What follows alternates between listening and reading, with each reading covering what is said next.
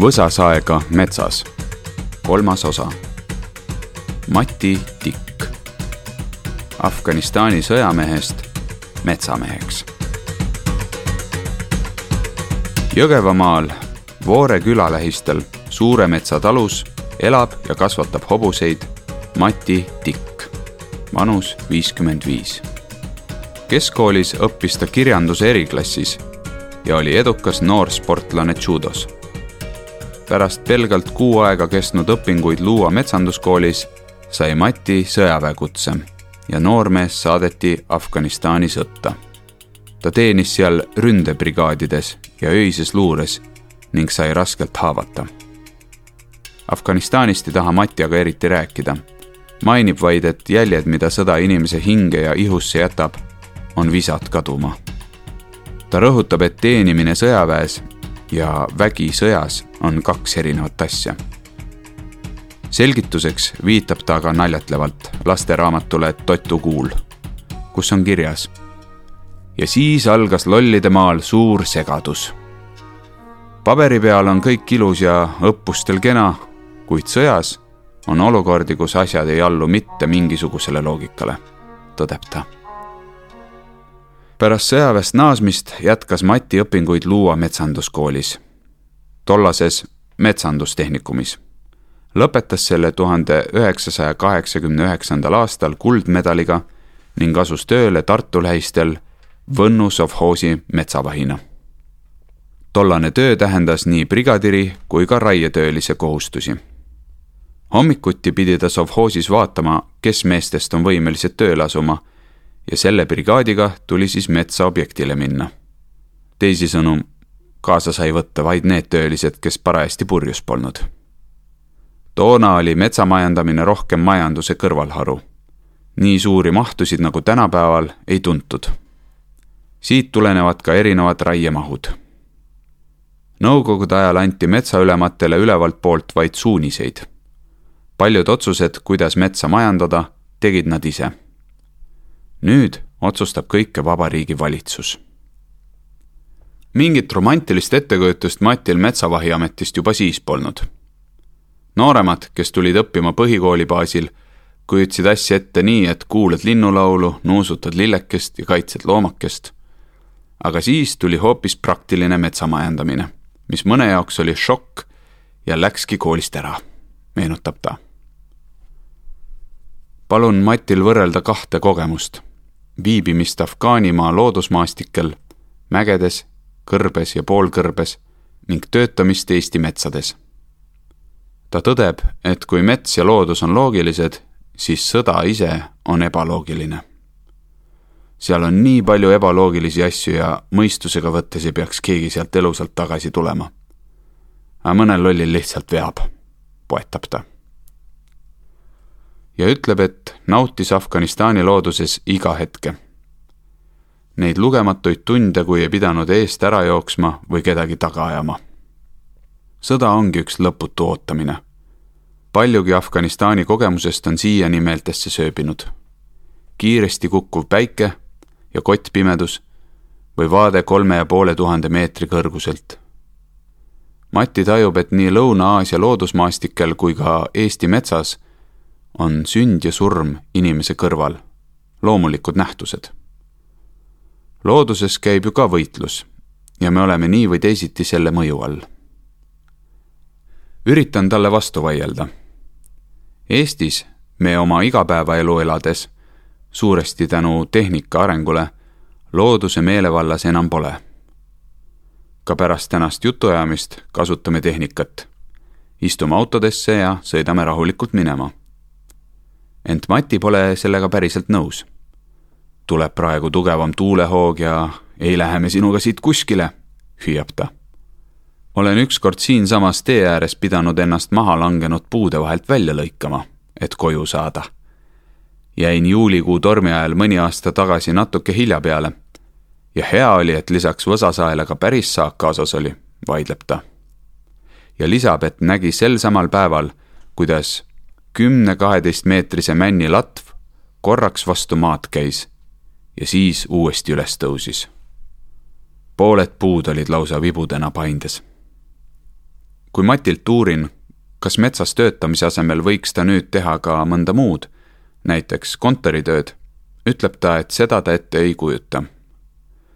siis läheks veenide saagimiseks. ja hea, kui veel iseendal saed, mitte kümnel teisel kontoritöötajal.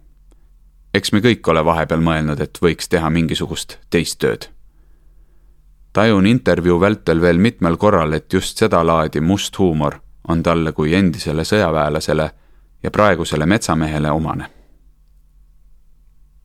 pärast Metsavahiameti kaotamist keskkonnaminister Villu Reiljani ajal üheksakümnendate lõpus on Mati astunud karjääriredelil ülevalt alla ja temast on saanud pelgalt raietööline. Aga talle meeldiks ka praegu vaheldusrikkam töö see, kui oleks rohkem erinevaid tööülesandeid. metsa langetamine on näiteks loomingulisem, ehkki raskem, nendib ta. teatud piirides saab Mati ise valida, kui palju ta kuus töötab ja millal tööl käib. tööd tuleb aga teha vähemalt nii palju, et hektarite arvestuses teenida välja kuussada nelikümmend eurot. Võtan asju üsna rahulikult, sest tean, et mul on ka homme vaja tööd teha. küll on olnud neid mehi, kes on end kolme aastaga ribadeks rabelenud, selgitab ta. ta ei pea tööle minema, kui temperatuur langeb kahekümne viiest miinuskraadist madalamale või kui tuul on kangem kui viisteist meetrit sekundis. ka paduvihma korral teeb ta tavalisest lühema tööpäeva. ta ei taha end metsas ära kurnata ja teeb kuus keskeltläbi kaheksa hektarit kultuuri või noorendiku hooldust Mati toonitab, et ka võsatööd on võimalik teha vaid raha pärast. kui suures metsas loeb tihumeeter, siis võsas hektar. kui ollakse väljas vaid selle peal, et võimalikult palju hektareid läbi joosta, ei pruugi lõpptulemus olla hea. ka kipuvad nii mõnedki, tihti just vähese kogemusega või koolitamata töölistest koosnevad brigaadid vigu tegema. harvendatakse mets liiga hõredaks, jäetakse liiga tihedaks osa võsa üldse võtmata või lõigatakse maha valesid puid. puuliike tuleb tunda ja just pungade järgi. raaguspuude määramisega tüvevärvi põhjal võib kergesti eksida. ohtudest ja võimalikest kutsehaigustest rääkides ütleb Mati, et kui kaks aastakümmet teha jutti võsatööd, võib saemüra tõttu tekkida kuulmislangus ning vibratsioongi mõjutab tervist võivad tekkida näiteks vereringehäired ja käte suremine. üks võimalikke ohte on ka metsamasinaga kehvasti üles töötatud langid, mida katab juba tihe taimestik ja mille salakavalatesse rööbastesse võib võsamees kogemata sisse kukkuda. Paljud noored mehed satuvad sellele tööle eriala õppimata ja loodust tundmata. Luua metsanduskool üritab küll seda lünka täita ent paljud raietöölise eriala lõpetanud noored metsa ei jää. sõrmed ikka sügelevad nutitelefoni järele. Nad tahaksid hästi süüa ja tasa astuda, aga metsas seda ei saa, räägib Mati. ja lisab, et ülekaalulisi metsamehi näeb väga harva. Kui sul on suurem ülekaal, siis sel maastikul kaua vastu ei pea, arvab ta. Matile meeldib pigem töötada üksi brigaadiga ühel objektil töötades tuleb pärast objekti osad ära jagada. ja see tekitab alatasa vaidlusi. on juhtunud, et erametsa võsatöö eest on tasu jäänud saamata. raietööliste palgast rääkides tekib Mati juttu paus ja ta vajub hetkeks mõttesse. Kui sa oled füüsilise töö tegijana näinud hulga vaeva ja saad kuu lõpus kätte ligi seitsesada eurot samas kui mõni teine teenib kaks tuhat eurot kahekümne minutiga, tehes peaaegu mitte midagi. aga eks see ole loomulik, et õiglust pole maa peal kunagi olnud ega saa ka olema, arutleb ta. Matile meeldib vabal ajal looduses kulgeda. kui minna mustikale, ei pea keskenduma ainult korjamisele, vaid võib end vabaks lasta ja lihtsalt loodust jälgida satun vahel ka sinna, kus olen tööd teinud. ei saa salata, et hea on vaadata, kui mets on ilusti kasvama läinud, arutleb Mati. kuna inimese eluiga on nii lühike, siis tõenäoliselt ei näe ma oma istutatud metsade lageraiet. aga et need raiesse lähevad, ka selles on oma loogika olemas. Matil on oma selge seisukoht ka osa metsakaitsjate suhtes. padurohelised on asja hulluks ajanud. enamik neist, andke andeks, on hästi maakauged inimesed. paljud hipsterid ja esoteerikud. see, mida nemad näha tahavad, on tegelikkuses mitmeid kordi hooldatud park, seletab ta. Mati arvates räägivad padurohelised küll ürgmetsast, aga ei kujuta ise ette, mis asi see ürgmets on. Erinevas vanuses puud on risti-rästi, püsti ja pikali. läbi minna on praktiliselt võimatu, selgitab ta osa äärmusesse kalduvaid rohelisi ongi Mati arvates hullud aktivistid, kes pildistavad näiteks traktorirööbast vastava nurga alt, et rõhutada selle sügavust ja seda, kuidas nende arvates on lank ära rikutud. jah, on lanke, kus ka mina hurjutaks neid, kes seal metsa on teinud.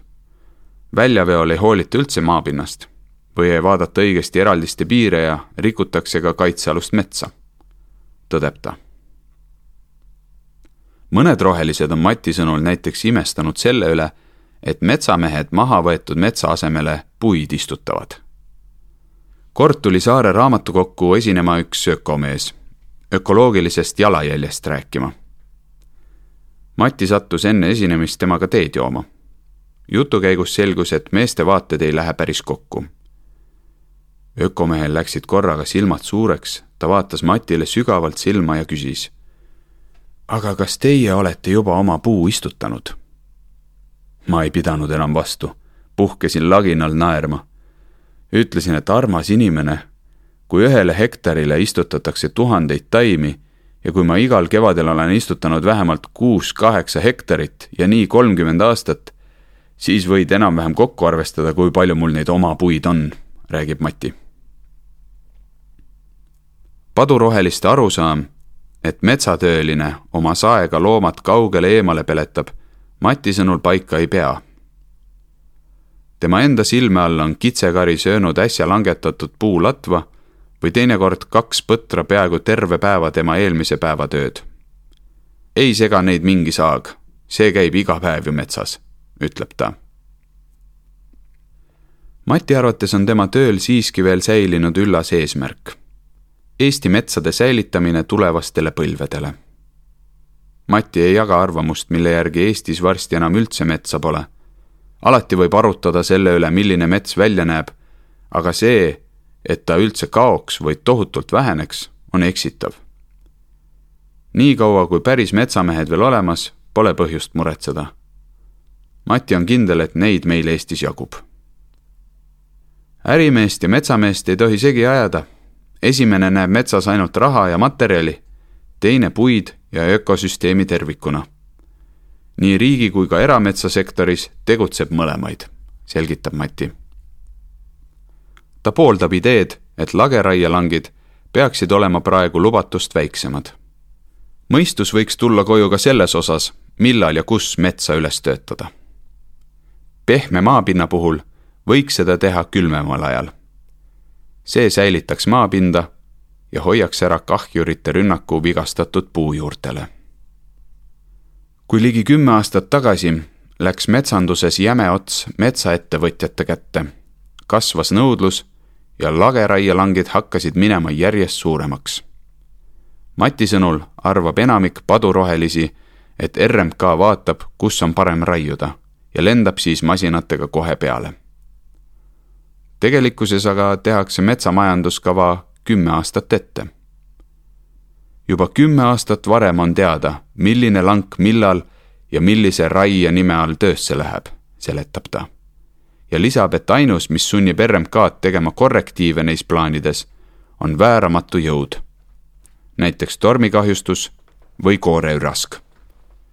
sel juhul mängitakse veidi ümber ja tehakse ka uutel eraldistel lageraiet Mati näitab mulle metsas kohta, kus ta noored lehtpuud pea täielikult maha võtab. just selleks, et kuuskedel ja mändidel kasvada lasta. kask peaks olema seitsekümmend viis protsenti männi pikkusest, siis võib ta jätta. selgitab ta oma töö põhimõtteid. üksteise kõrval kasvavaid mände ta küll harvendab, kuid ei tee seda esimese valgusraie puhul liiga agaralt. Neid võtab ta rohkem siis, kui juba kolmandat korda valgustust teeb. nõudmised on eri aegadel erinevad. kui ma nõukogude ajal alustasin, siis pidi tegema nii, et kui lehtpuud vahel ei ole, siis ära okaspuud üldse harvenda. just sellepärast, et põdral oleks raskem vahele ronida. siis öeldi, et küll jahimehed põdra arvukuse pärast hoolitsevad. Nüüd aga otsime seda kuldset keskteed. Mati lisab, et kui liiga noores eas okaspuule jätta kõrvale lehtpuu, kasvab viimane üle ja tapab okaspuu ära. mõned veidrad raienõuded tulid Mati arvates koos Euroopa Liiduga.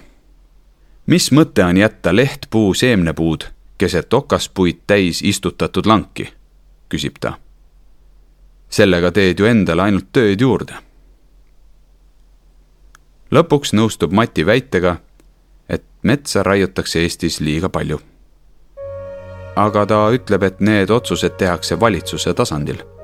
sellest pole pääsu, kui riik käsib sa oled ju RMK, Riigi Metsamajandamise Keskus. mõnikord tuleb Mati metsast välja ka. kahel viimasel aastakümnel on ta olnud Tartus tegutseva Emajõe suveteatri lavastuste kaskadööritrikkide ja mitmete lavavõitluste lavastaja. sõjaväes ja võitluskunstide trennides omandatut saab ta võsasaemehe tööst vaheldust leides kasutada teatrilaval. Te kuulasite Janno Sõõbini loo Võsasaega metsas kolmandat osa. luges Kristo Viiding. Helikujundus ja originaalmuusika Janek Murd. vaata ka Erik Tikkani fotosid levila.ee